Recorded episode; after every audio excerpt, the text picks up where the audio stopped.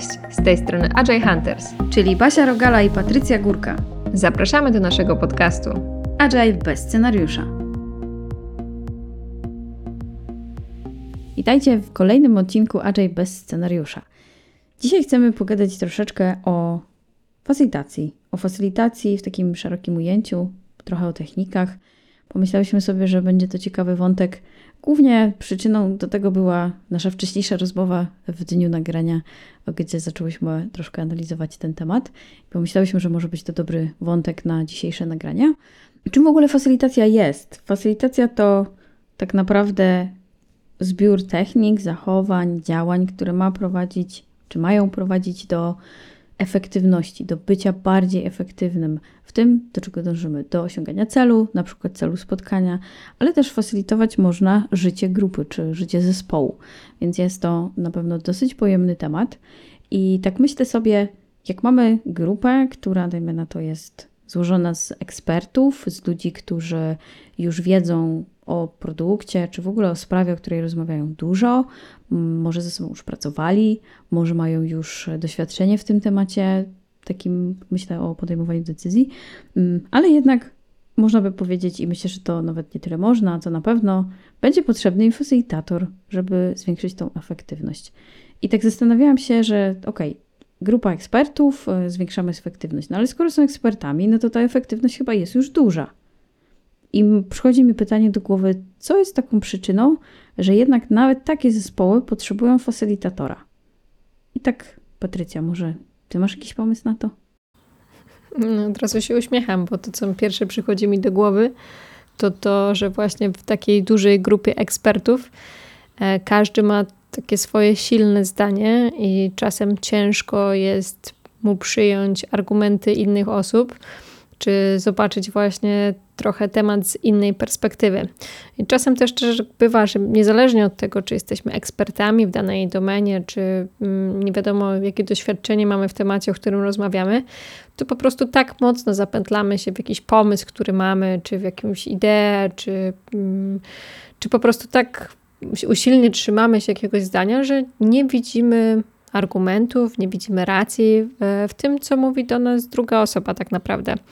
Więc myślę, że to tak long story short, to mogą być takie powody, które gdzieś powodują, że nawet w przypadku tego, gdzie mamy bardzo doświadczoną grupę, czy bardzo doświadczony zespół, taka rola facylitatora, który gdzieś wspiera jakby osiąganie celu tego spotkania, wspiera efektywność naszego, naszego czasu, tak? czyli jak ten czas efektywnie sobie spędzamy wspólnie, to może powodować właśnie, że te spotkanie ostatecznie kończy się sukcesem, czyli osiągnięciem tego celu. Przypomniało mi się kilka takich obrazków, które gdzieś w książkach o facylitacji, ale też ogólnie w różnych materiałach się pojawia, że na początku wszyscy jesteśmy w jednym punkcie czy w jednej kropce, a jeśli nie zostanie to dobrze zarządzone, to kończymy każdy z osobną kropką, bo każdy ma też inne zrozumienie. I jednocześnie to, co powiedziałaś, przywołało mi do głowy takie stwierdzenie, że facylitacja też pomaga spojrzeć na problem z różnych perspektyw, bo każdy, tak jak mówisz, ma w głowie swoje jakieś przeświadczenie, doświadczenie, jakiś pomysł, ale nie każdy ma siłę, energię, moc do tego, żeby się przebić z tym pomysłem. I facylitacja też będzie tym zarządzała. Mam na myśli oczywiście bardziej facylitatora, który gdzieś tam pomoże grupie ten balans głosu wyrównać, ale myślę, że to jest jedna z takich ważniejszych rzeczy, że to facylitacja też sprawia właśnie to, że oprócz tego, że w całej tej gromadzie pomysłów, grupie, która może się dogadywać lub nie, dochodzimy do wspólnego rozwiązania, to jest jedno, a druga rzecz właśnie, że usłyszymy wszystko, co ludzie mają do powiedzenia. I, i tutaj myślę sobie też o, o technikach, bo jest cała masa technik, która właśnie to wspiera żeby usłyszeć więcej, wycisnąć tak zwaną cy tą cytrynę jeszcze bardziej. I, I pomyślałam sobie, że gdyby nie właśnie te techniki, to pewnie często spotkania gdzieś tam kończyłyby się decyzją jednej osoby, czy rozmową o pomyśle jednej osoby. I moglibyśmy powiedzieć, że to spotkanie mogłoby być mailem, bo po co spotykać się w grupie, jak przecież to jedna osoba tak naprawdę dyktuje wszystko to, co tutaj mamy. Um, nie wiem, czy, czy podobnie uważasz, ale to jest takie moje, myślę, refleksja moja taka. Tak, no, technik facylitacji jest bardzo, bardzo dużo, ale mm, ważne też, żeby wiedzieć, że trzeba ich używać umiejętnie, tak? Mm, nie każdy, kto pozna, nie wiem, 10-15 technik, od razu będzie świetnym facylitatorem, jeżeli nie będzie potrafił tych e, technik odpowiednio dobrać do tego, w jakim położeniu znajduje się grupa czy zespół. Bo tutaj e, nawiążę trochę do tego, co powiedziałaś o tych kropeczkach takich, na zasadzie takiej, że każdy ma jakiś pomysł, i jak skończymy na końcu. Czy to będzie wspólna jedna duża kropeczka, czy jednak każdy dalej zostanie z tą swoją indywidualną myślą i swoim indywidualnym zdaniem, czy dojdziemy do jakiegoś konsensusu. I tutaj e, przychodzi mi do głowy dynamika grupy. Wiadomo, podejść do dynamiki grupy jest bardzo, bardzo wiele. Mm, ja osobiście lubię te pojęcie zdefiniowane, czy, czy zobrazowane przez sama Kanera, który mówi o tym, że w zależności od tego, w jakiej sytuacji znajduje się nasza grupa, czy to jest ta faza, kiedy generujemy pomysły, ale po jakimś czasie już generujemy ich coraz mniej e, i jesteśmy coraz bardziej rozbieżni w tym, co nam się pojawia, i w pewnym momencie trafiamy do takiego Hmm. Ja to trochę tłumaczę sobie, nie wiem, czy jest oficjalne tłumaczenie na to, jak do takiej strefy stagnacji. E, to jest zdefiniowane jako ground zone. Tutaj jest szalenie ważna właśnie rola facylitatora, który powinien potrafić rozpoznać to, że znaleźliśmy się w takiej właśnie e, stagnacji czy w takim zawieszeniu, e, żebyśmy odpowiednio mogli zareagować i użyć odpowiednich technik, tak? Bo teoretycznie mi się osobiście wydaje, że ten, ta faza Pierwsza, w której się znajdujemy, gdzie te pomysły się generuje, to jest Divergent Zone. To jest ta faza, w której te techniki facylitacji są istotne, ale nie aż tak istotne. To jeżeli nie zareagujemy w porę w tej w strefie stagnacji, to możemy właśnie zakończyć to spotkanie każdy ze własną kropką, bez konsensusu, bez jakiegoś tam wspólnego podejścia do tematu, co też no, nie zawsze jest złe, bo tak yy, też trzeba sobie głośno o tym powiedzieć, że jedno spotkanie czasem może być e, niewystarczającą ilością czasu dla nas, tak? Więc facylitator też powinien umieć to rozpoznać i odpowiednio zareagować, tak? I doprowadzić do tego, żeby później w jakiś sposób odpowiednią techniką facylitacji spróbować albo zaanonsować, czy ustalić z grupą, że potrzebujemy jeszcze jednak więcej sesji do przedyskutowania danego zagadnienia, albo po prostu tak pokierować spotkaniem, żeby w jakiś sposób ta grupa, ten zespół zaczął dochodzić do wspólnych wniosków poprzez eliminację poszczególnych złych pomysłów, e, czy hmm, pomysłów może nie na ten moment, nie na ten czas. Nie wiem, Basia, co mhm. też myślisz o tym podejściu? Bardzo mi się spodobało to, co powiedziałaś i odpłynęłam na sekundę myślami właśnie analizując to, co mówiłaś, że te techniki w pierwszej fazie nie są aż tak istotne i zgadzam się w tym w pełni. Przyznaję szczerze, nie myślałam o tym w ten sposób, ale masz rację. I jak myślę o tej drugiej fazie, gdzie mamy nazwany przez ciebie ten moment stagnacji, to właśnie wtedy facylitator ma najwięcej do pracy, tak naprawdę, bo musi szybko, pewnie też sytuacyjnie zareagować, ale też przede wszystkim myśleć o tym, co, co doprowadzi grupę do konsensusu. Jak dobrze wiemy, mam nadzieję, że nasi słuchacze również, facylitator nie musi mieć wiedzy domenowej na temat tematu, o którym jest mowa, więc to tym bardziej jest e, trudne, żeby gdzieś tam złapać, w którym miejscu grupa jest. Oczywiście można też grupę zapytać, jak się czuje, i to też jest jedna z technik, zadawanie pytań.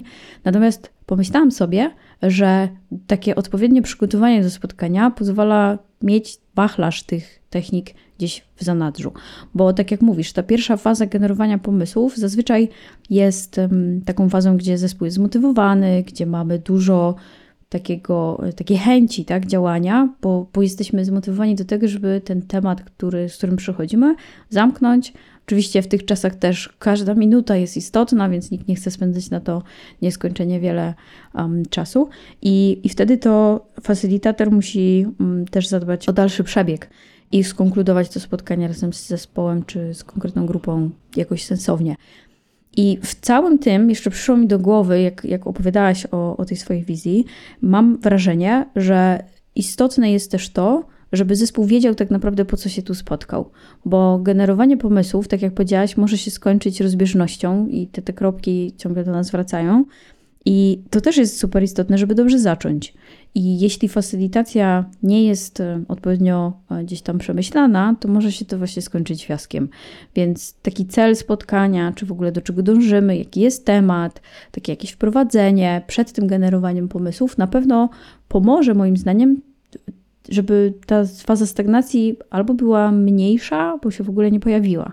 Bo wtedy, jeśli wiemy wszystko, mamy ten sam obraz, jesteśmy tak z angielskiego mówiąc zalajnowani do tematu, to zdecydowanie będzie po prostu łatwiej. I, i tak myślę, że nawet jakby dalej pociągnąć wątek, można potem powiedzieć jeszcze o tym, że jak zamykamy spotkanie, to też jest istotne, żeby wszyscy wyszli z tą samą wiedzą. Więc nawet jak tak e, myślę o tym, to na każdym etapie takiego spotkania jest sporo roboty e, dla facylitatora, dużo czujności jest potrzebne, e, ale właśnie wszystko zależy od tej dynamiki grupy, od tego, jak, jak to będzie szło. I nawet tak idąc może trochę już e, poza, poza, poza samą, samo spotkanie, e, zobacz ile tutaj jest tematów, które wydawałoby się w prostym wątku, czytaj po prowadzeniu spotkania, trzeba wziąć pod uwagę, żeby to miało e, ręce i nogi. I, I tutaj znów wracam do technik, nie? Znajomość tych technik pozwala na wachlowanie tym, Mam w tym momencie taki bardzo duży moment aha, że to sumie... to wszystko się zgadza, bo jako Agile Hunters możemy mieć momenty aha. Wszystko się zgadza. Ja tutaj, e, słuchacze tego nie, nie, nie, widzą, ale ja w międzyczasie kiwałam głową, bo oczywiście się z Basią zgadzam i w sumie e, zadźwięczało mi w, w głowie też takie, taka myśl, że w sumie teoretycznie właśnie ta faza, w której generujemy pomysły jest najłatwiejsza, ale czy aby na pewno? Bo wiele osób, y, właśnie nie wiem, takie pytanie. Mm, pierwsza technika, która ci przychodzi do głowy, jeżeli chodzi o zbieranie pomysłów, to jaka jest? No, sticky notesy i wyrzucamy wszystko, co mamy w głowie. Mhm, czyli taki brainstorming trochę, nie? Ale y, gdzieś ostatnio czytałam y, o pewnych badaniach, czy pewnych w ogóle przemyśleniach związanych z brainstormingiem, że w sumie brainstorming wcale tak dobrą techniką do tej generowania pomysłów nie jest. Bo wracając do tej naszej grupy ekspertów, czy o tym, co mówiłyśmy na początku, gdzie mamy sytuację, gdzie jakby jedna osoba jakby nie czuje, nie ma przestrzeni na wypowiedzenie się i ten facylitator e, przy takim brainstormingu no też może jakoś zareagować, ale musimy tą technikę nawet zbierania czy generowania pomysłów dopasowywać do naszej, do naszej grupy, bo co się okazało z tym brainstormingiem, wrócę do tego jeszcze że tak naprawdę w sytuacji, kiedy to powinno wzbudzać naszą kreatywność i powodować, że tych pomysłów generujemy jeszcze więcej, to czasem jest efekt zupełnie odwrotny, bo tak naprawdę ktoś może rzucić pomysł, który nam się wydaje już super, i swoim pomysłem już nie chcemy się dzielić, możemy się zamknąć, albo mm, analogiczna sytuacja, po prostu wstydzimy się swojego pomysłu, bo uważamy, że pomysły innych są lepsze. Albo ktoś rzuci pomysł, mamy podobny, ale jednak jest on inny, ale już mówimy, a to już jest, to tym się dzielić nie będę, nie?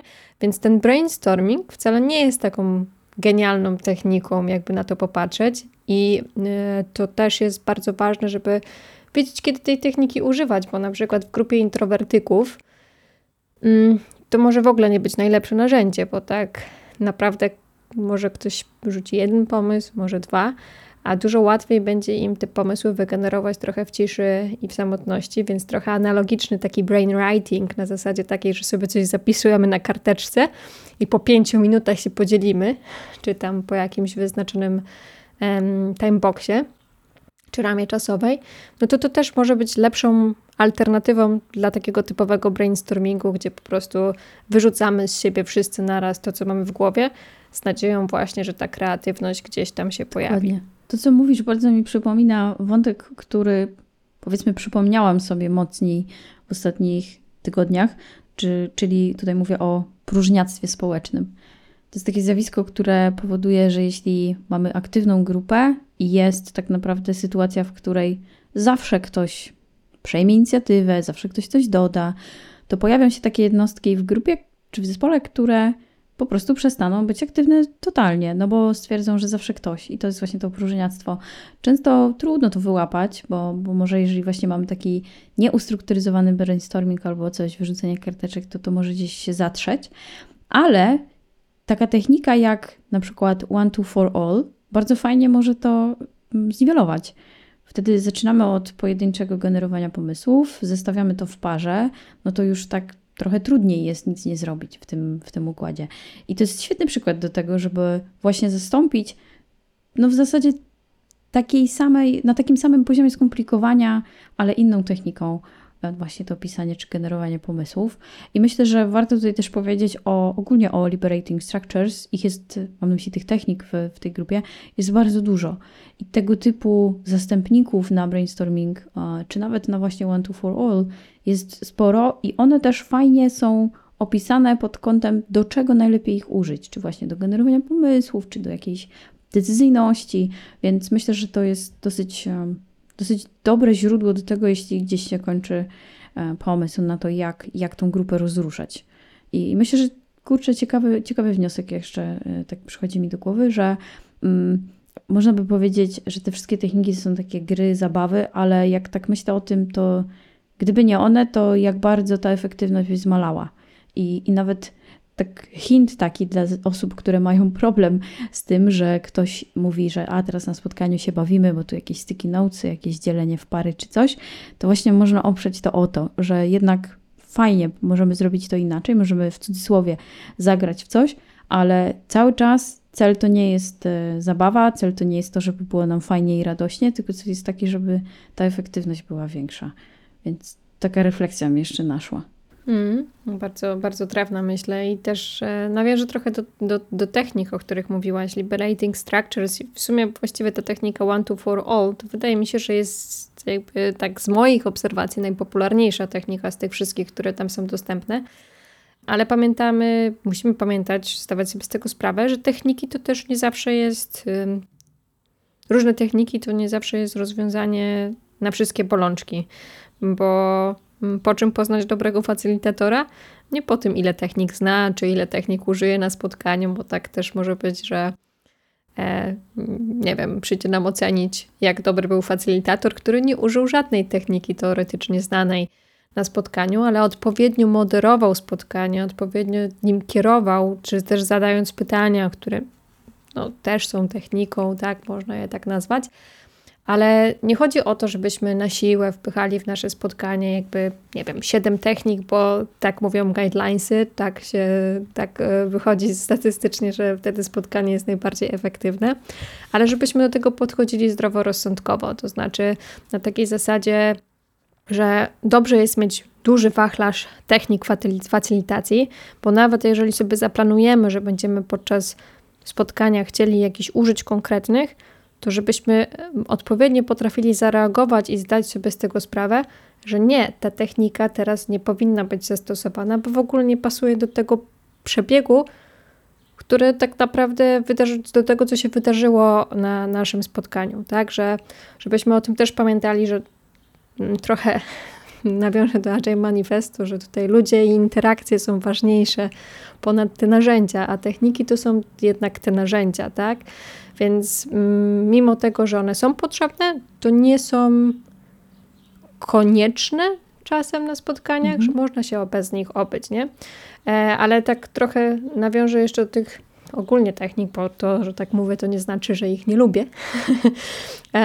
wręcz przeciwnie, właśnie One to for All to też jest jedna z moich ulubionych technik, bo jest naprawdę prosta, E, nieprzekombinowana, a po, pomaga właśnie angażować grupę i, mm, i poszczególne jednostki. Także tutaj w przypadku tych takich osób, które nie chcą się gdzieś wypowiadać, możemy jakoś to zaopiekować. Ale ja jeszcze lubię taką technikę na przykład let's create disaster, czyli stwórzmy taką pewnego rodzaju katastrofę, gdzie w przypadku, kiedy zespół niekoniecznie chce o czymś myśleć w pozytywny sposób, to ten negatywne spojrzenie na coś, jakby tak trochę nawiązuje też do plotkowania, czy w ogóle do takich pesymistycznych wizji świata, czy narzekania, to ludzie chętniej się wypowiadają, tak? Więc taki, te tworzenie katastroficznej wizji czegoś często powoduje, że właśnie bardziej się angażują i bardziej chcą wziąć udział w jakimś ćwiczeniu, a następnie to przekuć na jakiś dobry scenariusz, ok, czyli tego nie chcemy, to jest nasza katastrofa, to jak możemy zrobić, żeby do tego po prostu nie dojść, nie, żebyśmy nie dotarli do takiego miejsca? Mhm. A Basia, a twoja? Jakaś technika ulubiona? Wiesz co, jak sobie pomyślałam o tym, to um, Właśnie ta, o której mówisz, jest jedną z moich ulubionych, ale powiem Ci, że bardzo rzadko jej używam. Jakoś um, zawsze o niej zapominam. Lubię to. Kiedyś też czytałam, że jak zespół jest właśnie w takiej stagnacji, gdzie już nie wiadomo, w którą stronę pójść, to dobrze jest rzucić taki totalnie absurdalny pomysł żeby uruchomić zespół w drugą stronę. I dajmy na to, jeśli, nie wiem, jesteśmy na spotkaniu, musimy ustalić, jak robimy, nie wiem, integrację następnego zespołu możemy wymyślić jakiś totalnie odjechany pomysł na to, jak możemy się zintegrować i wtedy, wtedy zespół też pewnie zacznie to negować i zacznie wymyślać, żeby tylko tego nie zrobić, bo jeśli jest to jedyny pomysł na stole, no to może się szybciej ziścić niż nam się wydaje. Więc to, e, ale ja też bardzo lubię wykorzystywać nie tylko techniki w kontekście liberating structures, korzystam bardzo, bardzo dużo z takich aspektów frame'ów, takich narzędzi, na przykład Product Canvas albo Empathy Map.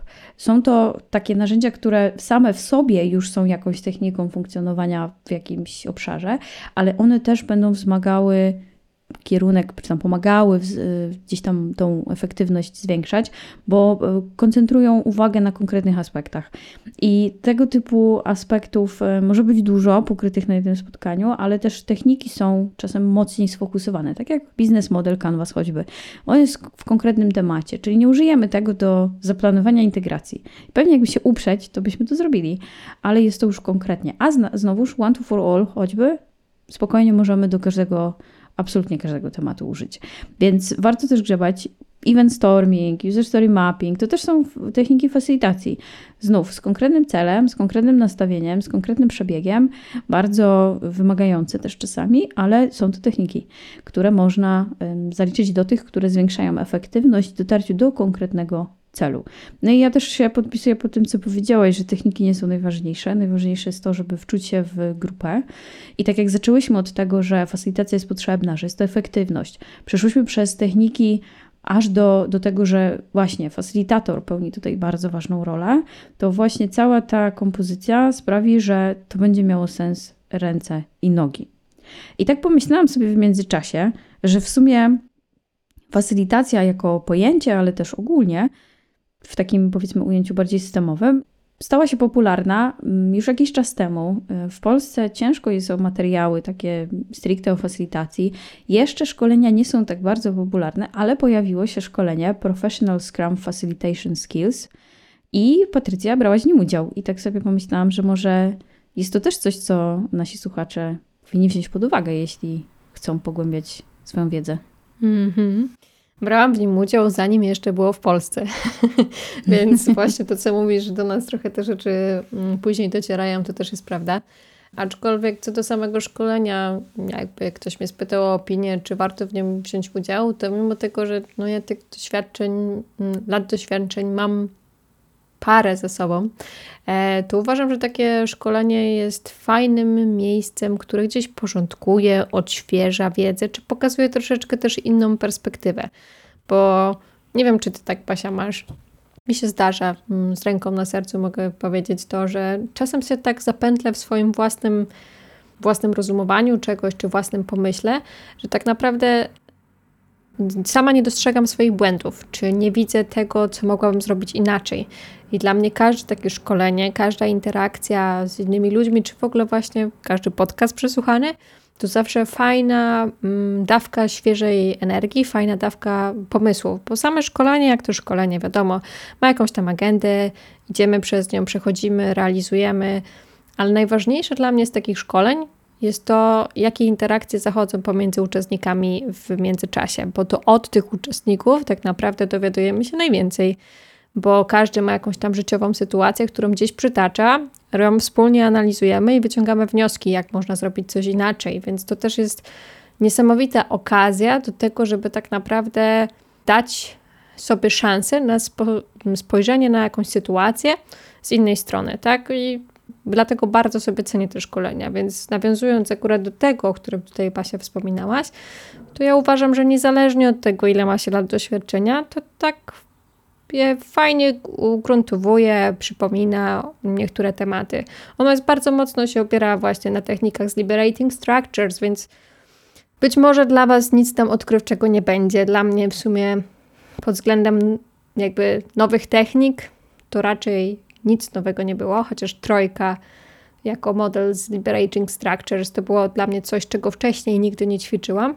Aczkolwiek, mimo tego, że właśnie jakby nowości tam nie, nie zaznałam, nie poznałam, to i tak jestem zadowolona, że brałam udział w tym szkoleniu. E, nie to nie jest reklama. tak, to nie jest lokalowanie produktu. tak, tak. Nie mówimy tutaj o żadnym konkretnym szkoleniu, ale e, zapraszamy, jeżeli czujecie taką potrzebę właśnie przypomnienia sobie odświeżenia tematu, to naprawdę warto wziąć udział w takim szkoleniu. Dokładnie. I tak sobie jeszcze e, gdzieś tam myśląc o tym, co powiedziałaś, że jest to fajne odświeżenie, to, to ja bardzo lubię takie odświeżenia. Czasem właśnie taki tak zwany pit stop, zatrzymać się, szybkie odświeżenie i, i pójść dalej. Mm, ja mówię, że nawet jeśli jedno zdanie albo jakaś jedna myśl z jakiegoś szkolenia, czy podcastu, książki, artykułu zostanie mi w głowie, to znaczy, że warto było, więc tym bardziej.